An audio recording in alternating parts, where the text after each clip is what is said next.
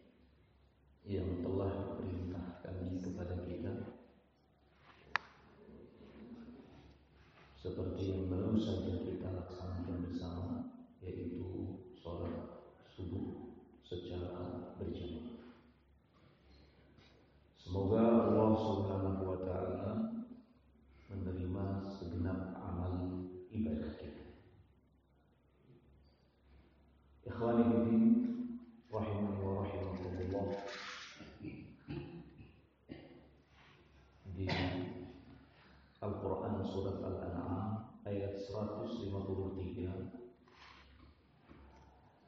Allah subhanahu wa ta'ala berfirman wa anna hadha sirati mustaqiman fattabi'uhu wa la tattabi'u subula fatafarraqa bikum an sabilihi ذلكم وصاكم به لعلكم تتقون Sesungguhnya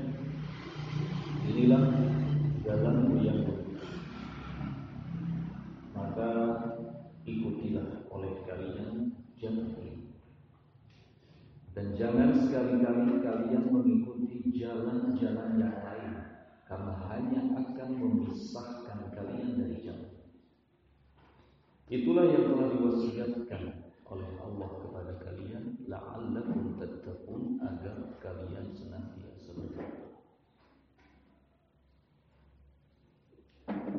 Melalui firman-Nya yang mulia ini Allah Subhanahu wa taala dengan jelas memerintahkan kepada kita semua untuk mengikuti jalannya yang lurus. Tetap berada di atas jalannya yang lurus. Jalan Allah Subhanahu wa taala yang lurus adalah Islam. Dan Islam adalah tauhid dan sunnah. Beribadah hanya kepada Allah Subhanahu wa taala saja dan tidak melakukan ibadah kecuali sesuai dengan tuntunan Rasulullah Sallallahu Alaihi Wasallam. Inilah Islam. Inilah yang diperintahkan oleh Allah Subhanahu Wa Taala agar kita tetap berada di atasnya.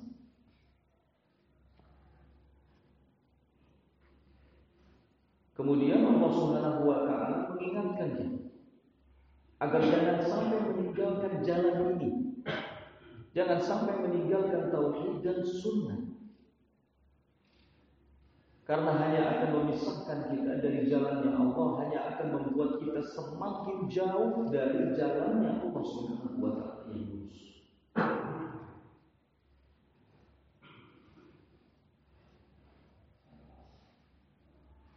Oleh karena itu, maka wajib bagi setiap kita berupaya agar tetap berada di atas jalan Allah Subhanahu wa taala yang lurus ini sampai kita meninggalkan kehidupan ini. Ini yang diwasiatkan oleh Allah Subhanahu wa taala kepada kita. Ya ayyuhalladzina amanu taqullaha haqqa tuqatih wa la tamutunna illa wa antum muslimun. Wahai orang-orang yang beriman, bertakwalah kalian kepada Allah Subhanahu wa taala dengan sebenar-benarnya takwa dan jangan sampai kalian mati kecuali dalam keadaan berserah diri kepada Allah di atas Islam, di atas tauhid dan sunnah.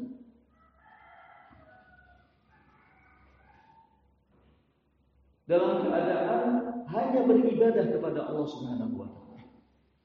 Dan selalu mengikuti tuntunan Rasulullah sallallahu alaihi wa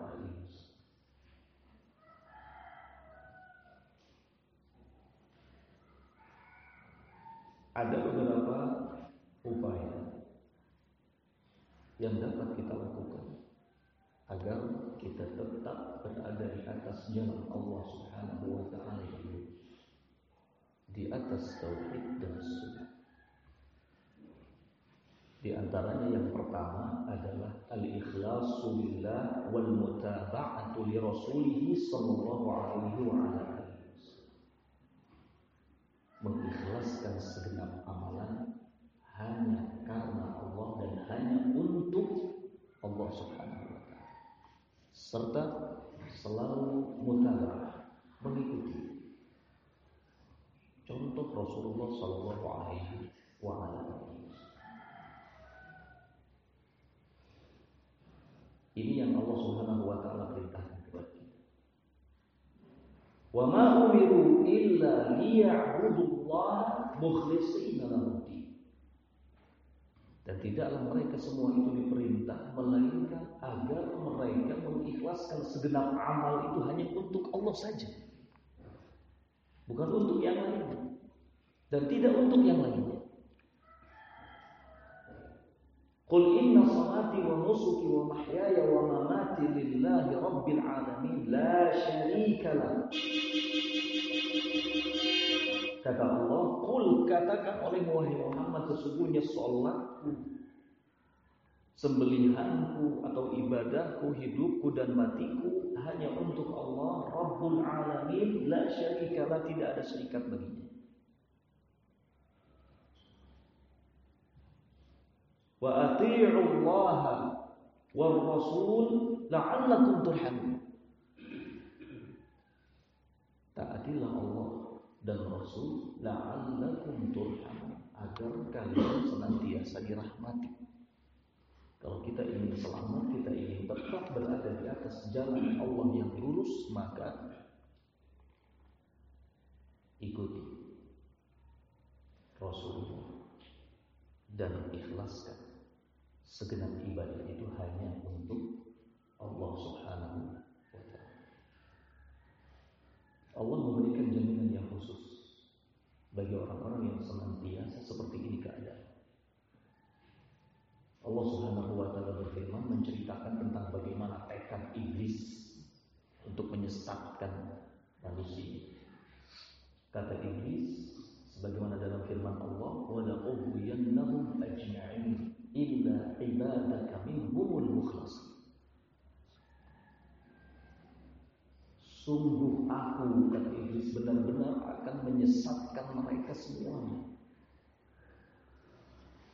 Aku akan menyesatkan semua manusia. Illa ibadaka minhumul mukhlasin kecuali hamba-hamba yang mereka selalu menampakkan keikhlasan dalam ibadah kepada Iblis tidak sangka ada penghalang bagi iblis untuk menyesatkan. Di sini Allah Subhanahu wa taala memberikan jaminan keselamatan bagi mereka-mereka yang selalu menampakkan keikhlasan dan mutaba'ah tentunya kepada Rasulullah sallallahu alaihi wasallam. Berat bagi iblis untuk menyesatkan. Sampai dikecualikan kecuali hamba-hambamu al-mukhlasin yang selalu beribadah kepadamu dengan penuh keikhlasan, ada di atas tauhid dan selalu mengikuti bimbingan Rasulullah Sallallahu Alaihi. Ini yang pertama. Kemudian yang kedua adalah al-muhafadzatu 'ala salawat ma'al. Menjaga salat.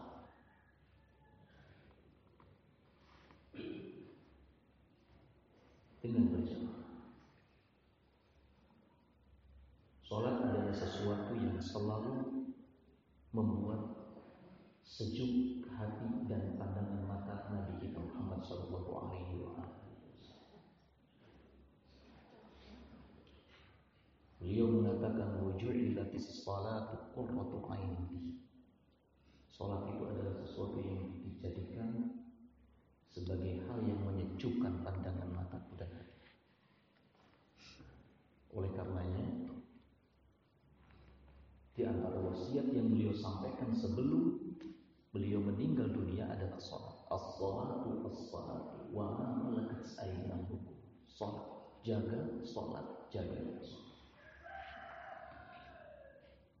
Sholat selain dapat menyejukkan pandangan mata, menyejukkan hati. Sholat juga memiliki kekuatan proteksi.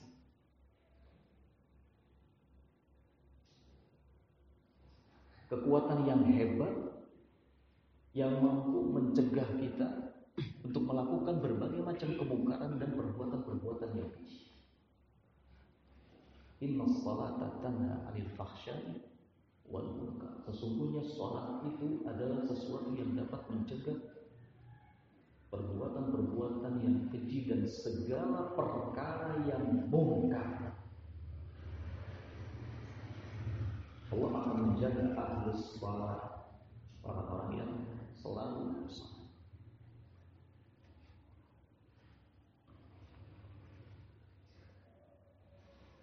Allah Subhanahu wa taala berfirman aqimis shalah tarafayn nahar wa zulfun minan Tegakkan salat di dua tepi siang wa zulfan lail dan di permulaan malam. Kemudian kata Allah Subhanahu wa taala innal hasanat sesungguhnya segala macam kebaikan-kebaikan itu yudhibnas sayyi'at mampu menghilangkan kejelekan-kejelekan. Lihat bagaimana Allah Subhanahu wa taala menyebut salat sebagai hasanat, sebagai kebaikan-kebaikan yang mampu menghilangkan kejelekan-kejelekan. Dalika dzikrul zakirin.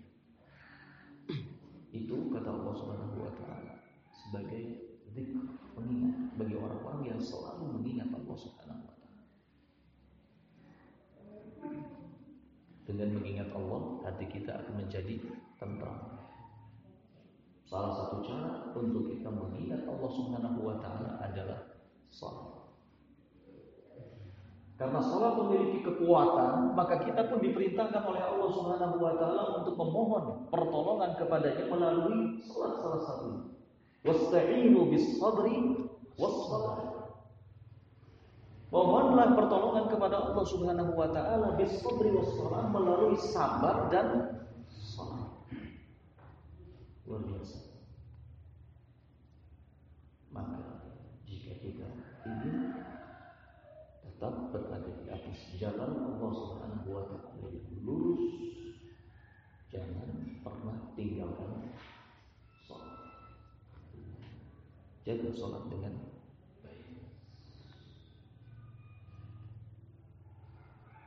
Yang ketiga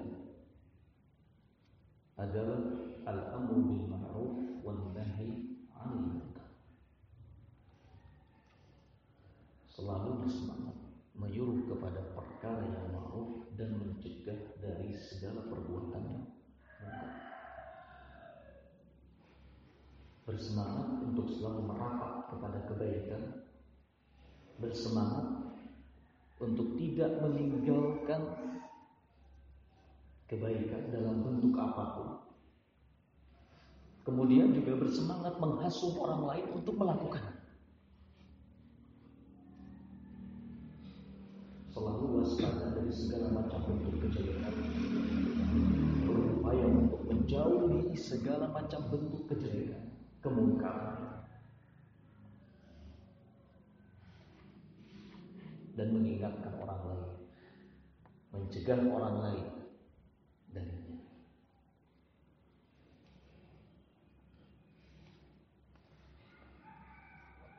Salah satu yang membuat umat Islam ini umat yang wasat, umat yang baik, umat yang selalu dijamin kebaikannya oleh Allah Subhanahu wa adalah ini. Di tengah-tengah mereka selalu ada prinsip al-amru bil ma'ruf wan nahi 'anil munkar. Tidak ada satu kebaikan pun melainkan sama-sama. Bersemangat untuk mengerjakannya dan menghasut untuk selalu merapat kepadanya. Dan tidak ada satupun dari bentuk kemukaan melainkan sama-sama berupaya untuk menjauhi dan saling mengingatkan darinya. Jangan pernah membiarkan kemungkaran sekecil apa pun. Jangan pernah membiarkan kesalahan kekeliruan sekecil apa pun. Kalau ada kemungkaran yang dibiarkan, maka akan melahirkan kemungkaran yang berikut. Jika ada sebuah kesalahan, sebuah penyimpangan yang dibiarkan, maka pasti akan melahirkan kesalahan dan penyimpangan itu. Oleh karena itu, jangan pernah kita meremehkan kemungkaran dan penyimpangan dalam bentuk apa? Kuntum khairu ummatin ukhrijat lin-nas ta'muruna bil ma'ruf wa tanhauna 'anil Kalian adalah sebaik-baik umat yang dikeluarkan di tengah-tengah manusia. Ta'muruna bil ma'ruf wa tanhauna 'anil munkar. Kalian selalu menyuruh kepada perkara yang ma'ruf dan mencegah dari perbuatan-perbuatan yang munkar.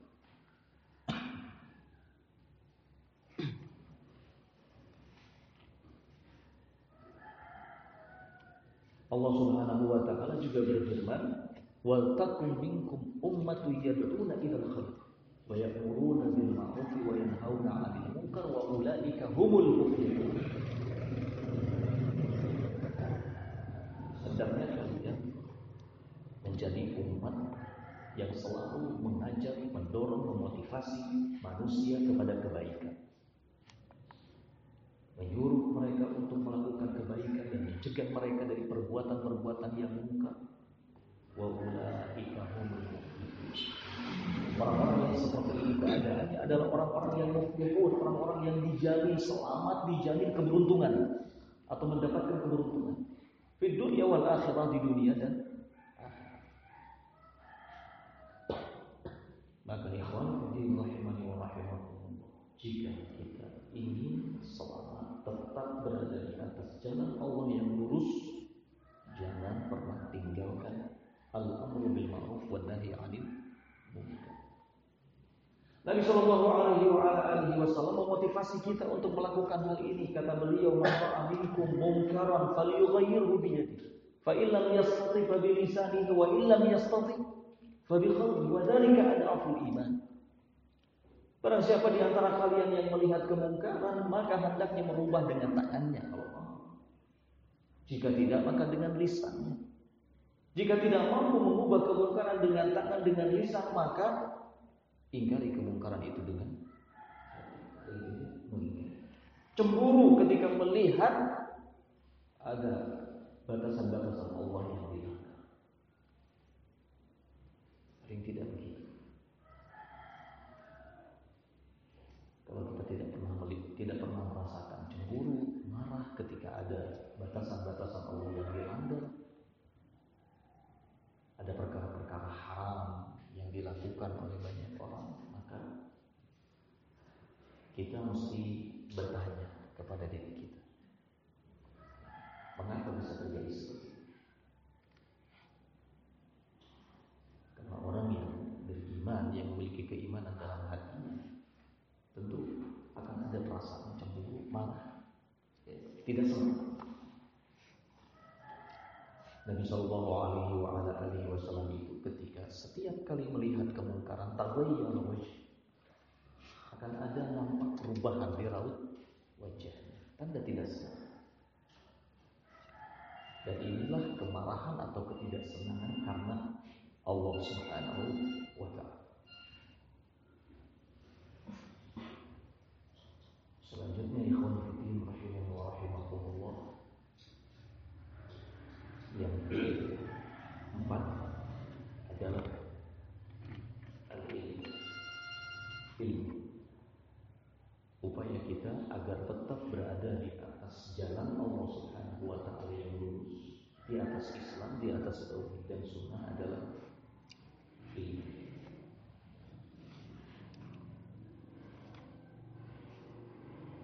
Ada banyak ayat hadis yang menjelaskan tentang keutamaan ilmu. Ilmu adalah sebab terbesar di mana kita akan tetap berada di atas jalan Allah Subhanahu wa taala yang lurus. Karena dengan ilmu kita akan terbimbing. Dengan ilmu kita tidak akan salah jalan. Dimaksud jelas adalah ilmu dari dan sunnah. Ilmu yang bersumber dari Quran dan sunnah. Imam Asy-Syafi'i rahimahullah taala mengatakan al-ilmu ma Allah wa qala rasuluh. Ilmu itu adalah yang difirmankan oleh Allah dan disabdakan oleh Rasulullah sallallahu alaihi wasallam. Ilmu itu berarti kita mengenal kebenaran dengan dalilnya. Ma'rifatul haq bidalilihi. Kalau kita punya ilmu, maka ilmu yang akan menjaga kita. Akan menjaga setiap apa yang kita ucapkan, akan menjaga setiap apa yang kita lakukan. Akan menjaga segala gerak-gerik kita. Ilmu yang akan membimbing. Oleh karena itu para ulama membedakan antara orang yang memiliki ilmu dengan orang yang hanya memiliki harta. Kalau orang yang memiliki ilmu itu, maka ilmu yang akan menjadi. Sedangkan orang yang memiliki harta, maka dia yang akan menjaga harta.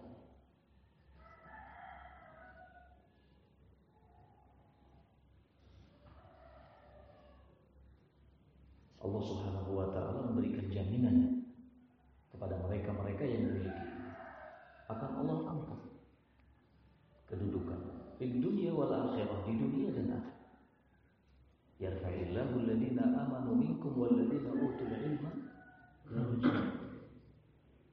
Allah Subhanahu wa taala akan mengangkat kedudukan orang-orang yang beriman kalangan kalian dan orang-orang yang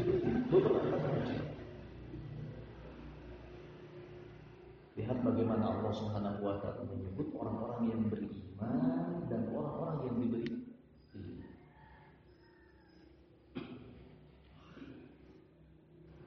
Karena iman saja tidak cukup. Bagaimana mungkin seseorang akan tumbuh dalam dirinya keimanan kepada Allah Subhanahu wa taala bila tidak memiliki ilmu pengetahuan tentang Allah, ma'rifatullah memiliki ilmu pengetahuan tentang nabinya, ma'rifatul nabiyyi dan memiliki pengetahuan tentang Islam sebagai agama, ma'rifatul dini. Ma'rifatullah, ma'rifatul nabiyyi, ma'rifatul dini. Dengan mengenal Allah, mengenal Nabi, mengenal Islam, ma'rifat kepada Allah, ma'rifat kepada Nabi, ma'rifat kepada Islam, maka akan tumbuh keimanan dalam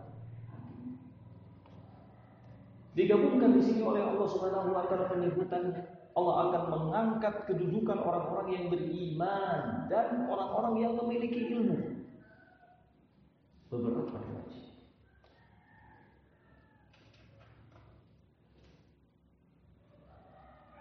Allah Subhanahu wa taala juga menyatakan qul hal yastawi alladziina ya'lamuna wal ladziina la. Katakanlah apakah sama keadaannya antara orang-orang yang memiliki pengetahuan, memiliki ilmu dengan orang-orang yang tidak seperti itu keadaan.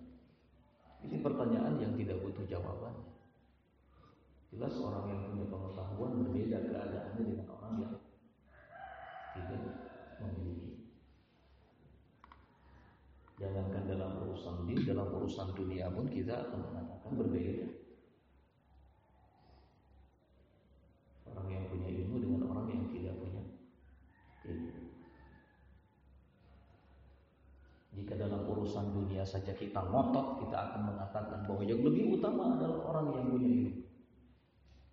Maka dalam urusan din tentunya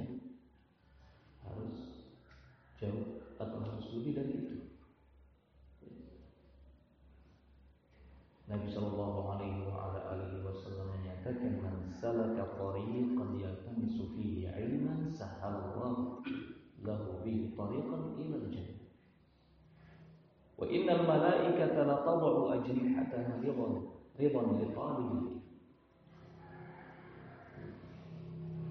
وفضل العالم على العابد كفضل القمر على سائر الكواكب وإن العلماء لم يورثوا دينارا ولا درهم وإن العلماء ورثة الأنبياء. وإن الأنبياء لم يورثوا دينارا ولا درهم إنما ورثوا العلم فمن أخذه أخذ بحظ أو كما قال صلى الله عليه وسلم Barang siapa yang menempuh suatu jalan Yaltamisu fihi ilman Dengan tujuan untuk mencari ilmu Maka Allah subhanahu wa ta'ala akan memudahkan baginya jalan menuju surga Jaminan ya. Ada jaminan keselamatan bagi mereka-mereka yang meluangkan waktu Tenaga dan pikirannya Bahkan hartanya Untuk menuntut ilmu agar mempelajari Islam supaya dapat makrifat kepada Allah dan makrifat kepada Nabi. Barang siapa yang menempuh suatu jalan dalam rangka menuntut ilmu, di maka Allah Subhanahu wa taala memudahkan baginya jalan menuju surga. Padahal jalan menuju surga itu bukan jalan yang mudah, jalan yang sulit.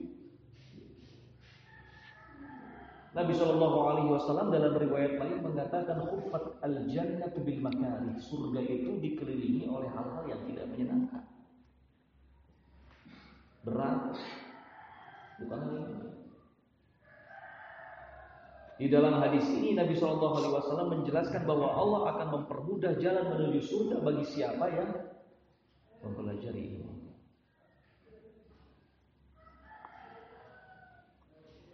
Kemudian Nabi menjelaskan bahwasanya para malaikat itu akan meletakkan sayap-sayap di hadapan para penuntut ilmu sebagai bentuk kerinduan terhadap apa yang mereka perbuat.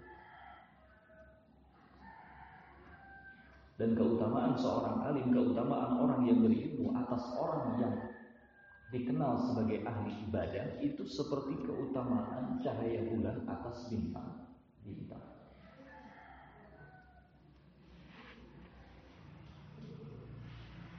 Orang yang berilmu diibaratkan bagai bulan. Sedangkan ahli ibadah, orang yang dikenal hanya tukang ibadah saja itu seperti bintang. bintang. Jelas cahaya antara keduanya berbeda. Kalau cahaya bulan itu lebih luas, lebih sempurna. Di samping mampu menerangi dirinya sendiri, juga mampu menerangi apa yang ada di sekelilingnya. Inilah keadaan orang yang berilmu. Selain bisa membimbing dirinya sendiri juga mampu memberikan bimbingan kepada yang lain.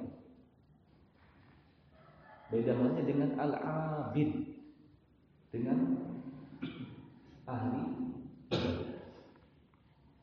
seperti bintang. Bintang itu hanya mampu menerangi dirinya sendiri saja dan tidak mampu menebar cahaya untuk yang ada di sekeliling. Demikian ahli ibadah. Dia hanya mampu memberikan kemanfaatan untuk dirinya sendiri, namun tidak mampu memberi kemanfaatan kepada yang lainnya.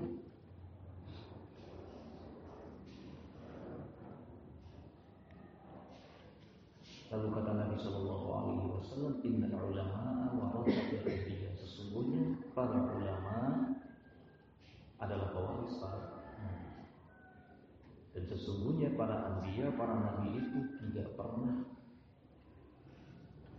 mewariskan dinar dan dirham kepada umatnya. Yang mereka wariskan hanyalah ilmu. Ilmu yang diwariskan oleh para ilmu yang ditinggalkan oleh para anbiya untuk kita sebagai umatnya. Bukan dinar, bukan dirham. Bukan perbendaharaan harta, tapi ini. Maka kata Nabi Shallallahu Alaihi Wasallam di akhir sabdanya, barang siapa yang mengambilnya, mengambil warisan Nabi Shallallahu Alaihi Wasallam berupa ilmu ini, apa lagi Dia Allah mengambil bagiannya secara sempurna, mengambil bagian dari warisan yang ditinggalkan secara sempurna. Ini yang akan menyelamatkan. Kalau kita ingin tetap berada di atas jalan Allah yang lurus, di atas tauhid, di atas sunnah, maka upaya kita adalah mengangkat kebodohan yang ada dalam diri kita dengan cara belajar. Ini, ini yang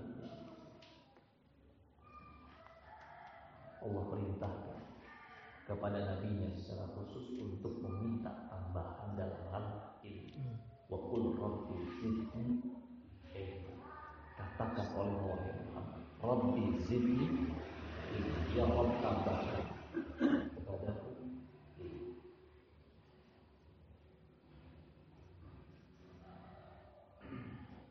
minta tambahan berarti ilmu adalah sesuatu yang memang pengaruhnya sangat besar kekuatan dan senjata yang paling hebat.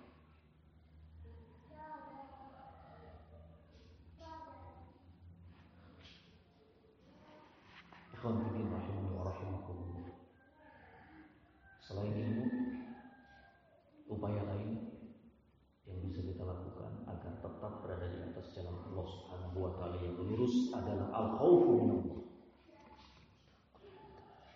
Selalu menanamkan rasa takut kepada Allah Subhanahu wa taala. Allah akan memberikan dua surga bagi orang-orang yang memiliki rasa takut kepada jannah. Bagi orang-orang yang selalu menampakkan rasa takut kepada kedudukan Rabbnya, jannah disiapkan untuk jannah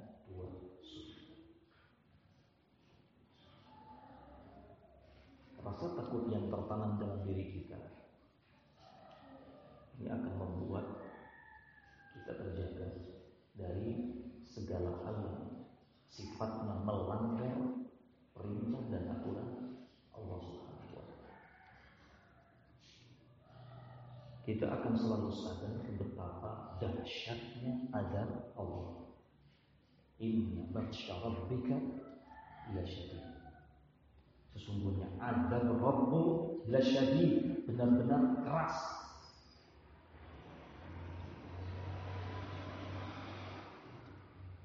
Lihat di ayat ini Allah menggunakan lam tauhid. Lasyadid. Inna batsya rabbika lasyadid. Diawali dengan taukid penekanan inna. Kemudian diikuti dengan penekanan buat la syadid sesungguhnya azab rabbu la syadid benar-benar amat sangat keras.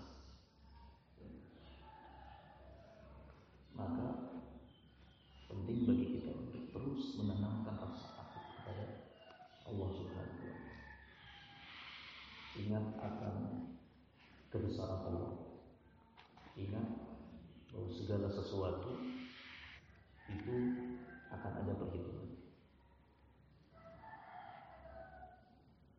Nabi Shallallahu Alaihi Wasallam mengatakan, "Atani Jibril." Suatu ketika Jibril datang kepada. Kemudian kata Jibril, "Ya Muhammad, ishmasi." Wahai Muhammad, hiduplah seketika. Fa innaka karena sungguhnya engkau akan. Wa ahbib man syi'ta fa innaka mufariq. Cintai orang yang kau kehendaki karena sesungguhnya kau akan berpisah. Wa'mal ma syi'ta fa innaka muzijun Dan beramal sekehendakmu karena sesungguhnya setiap amalan itu pasti akan ada balasan.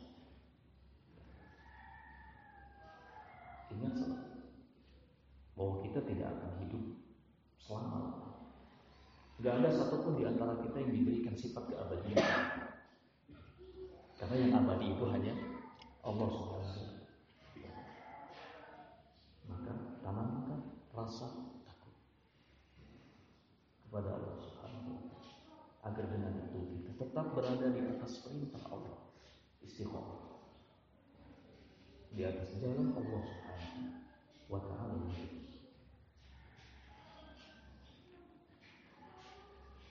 Selanjutnya ikhwan fillah rahimani wa rahimakumullah yang ke-6 adalah ikhtiyar suhbah as-salihah. Mencari memilih teman yang baik, teman yang soleh. Ini sangat penting. Karena pengaruh teman itu luar biasa. Dulu sampai dikatakan as-sahibu sahib teman itu adalah sosok yang selalu menarik, selalu mengajak. Bukan teman yang bukan teman namanya kalau tidak pernah mengajak. As-sahibu Maka hati-hati, jangan salah gaul. Jangan salah berteman. Jangan salah berkumpul. Cari teman yang baik. Cari perkumpulan yang baik. Ini sesuatu yang sangat penting. Pengaruh teman sangat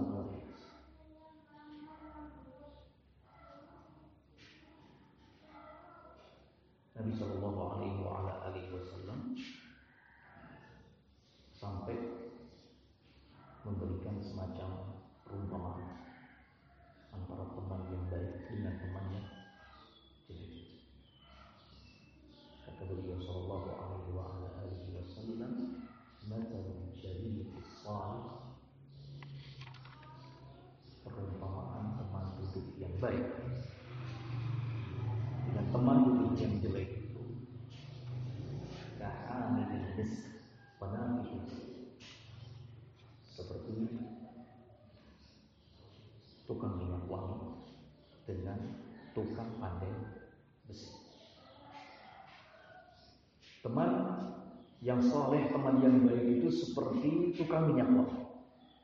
Kalau kita berdekatan dengannya, maka kita akan dapat wanginya.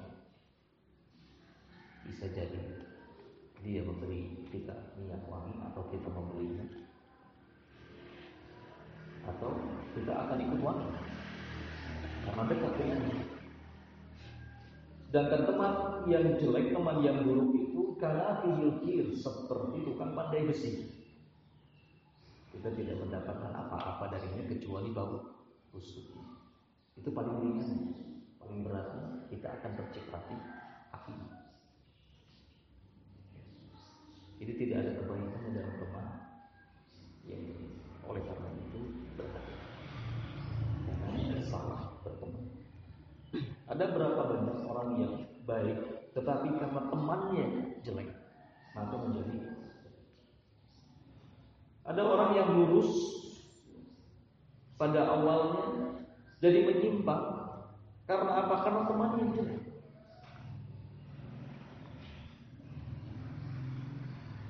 Pengaruh teman yang jelek luar biasa dalam kehidupan kita sehari.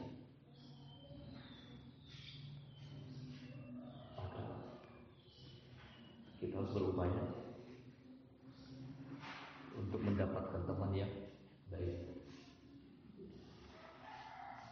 Jangan berteman kecuali dengan orang-orang yang bertakwa, dengan orang-orang yang bisa mengarahkan kita kepada hal-hal yang baik.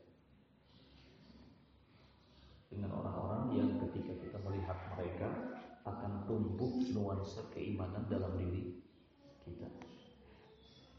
Ini yang kita butuhkan.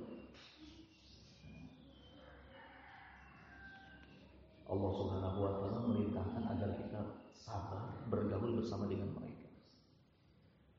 Wasbir nafsaka ma'al ladzina yad'una rabbahum bil ghadati wal 'ashi yuriduna wajhah. Sabarkan dirimu untuk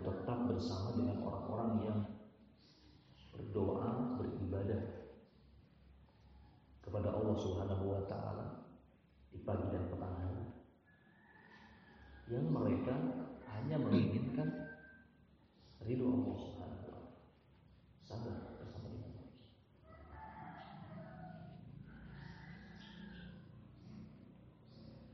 Karena dengan itu kita akan selamat.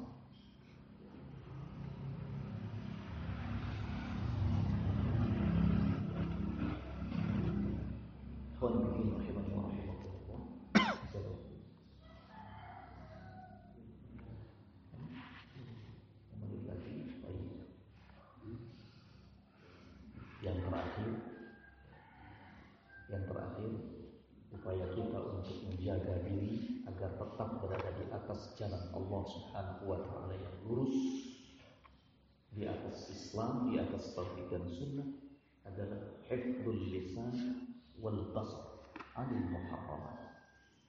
Menjaga lisan dan pandangan dari hal-hal yang diharamkan menjaga lisan dan pandangan dari hal-hal diharamkan berapa banyak kemungkaran terjadi diawali dengan lisan dan pandangan dalam bentuk apa pun rata-rata kemungkaran itu terjadi oleh sebab dua hal itu lisan dan pandangan kerusakan dari yang terkecil sampai kerusakan yang terbesar. Di antara penyebabnya tidak lepas dari ini lisan dan pandangan Allah Subhanahu wa taala mengingatkan kita dalam firman ma yaqilu min qawlin illa ladaihi raqibun tidak ada satu kalimat pun yang keluar dari mulut manusia illa ladaihi raqibun atid melainkan ada yang mengawasinya ada yang mencatat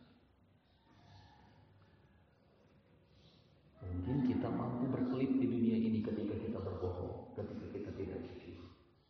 Bisa selamat dengan segala macam cara. Tetapi di hadapan Allah Subhanahu wa taala tidak ada yang bisa melakukan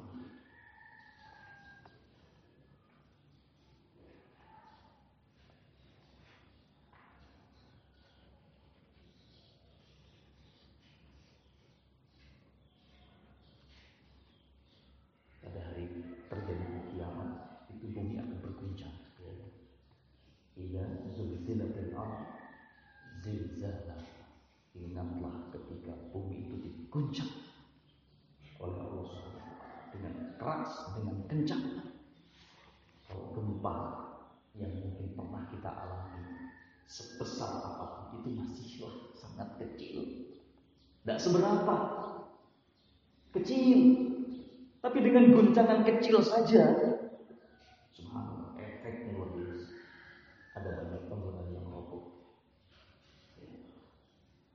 ada banyak bangunan yang hancur, ada yang meninggal.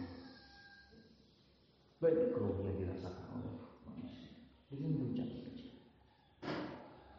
Nanti itu bumi akan diguncang dengan dahsyat ketika terjadi hal ini. Wa akhrajatil ardu athqalaha.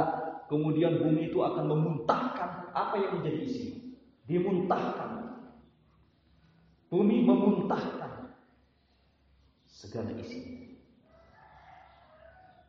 Wa qala al-insanu ma laha. Manusia pada saat itu bertanya-tanya, ada apa ini? Yaumin tuhaddithu akhbarah pada hari itu. Bumi. Menyampaikan segala macam berita.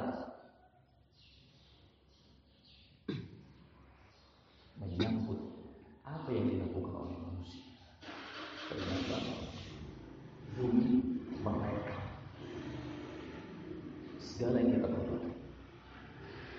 Bumi merekam dengan baik segala yang kita perbuat. Di mana pun kita berada.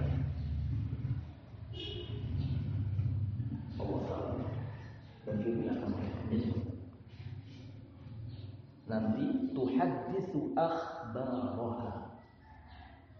Bumi akan menyampaikan segala hal yang telah direkamnya ini menyangkut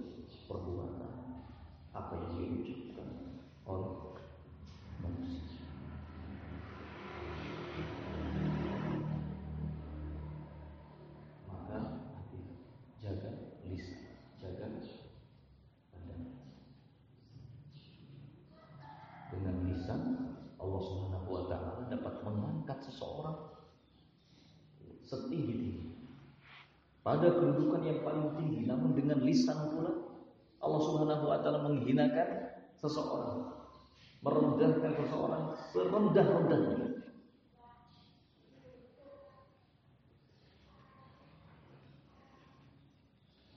Nabi Shallallahu Alaihi Wasallam mengingatkan man kana yu'minu billahi wal yawmil akhir falyaqul khairan aw liyasmut. Barang siapa yang beriman kepada Allah, beriman kepada Allah dan dia, falyaqul khairan aw liyasmut. Hendaknya dia mengucapkan kata-kata yang baik, kalau tidak dia Ya ayyuhalladzina amanu taqullaha wa qulu qawlan sadida. Wahai orang-orang yang beriman, bertakwalah kalian kepada Allah wa qulu qawlan sadida dan ucapkanlah kata-kata yang baik. Dihasung oleh Allah dan juga oleh Rasul.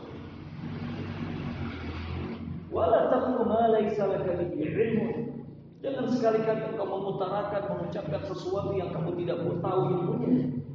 Inna sama awal basar wal fuad ulaika kana Sungguhnya pendengaran wal basar penglihatan wal fuad.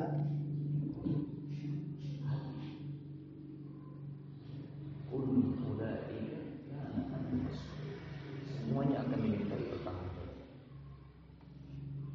ucapan pendengaran penglihatan semua akan dimintai pertanggungjawabannya oleh Allah Subhanahu Qul lil mu'minin yaghuddu min absarihim wa yahfazu furujahum. Katakan kepada orang-orang yang beriman agar mereka menjaga pandangan-pandangannya dan kemaluan-kemaluan. Wa qul lil mu'minat dan katakan pula kepada kaum mukminah agar mereka menjaga pandangan dan menjaga kemaluan. Diperintahkan oleh Allah Subhanahu wa taala dan Rasulnya secara khusus agar kita menjaga lisan kita dan menjaga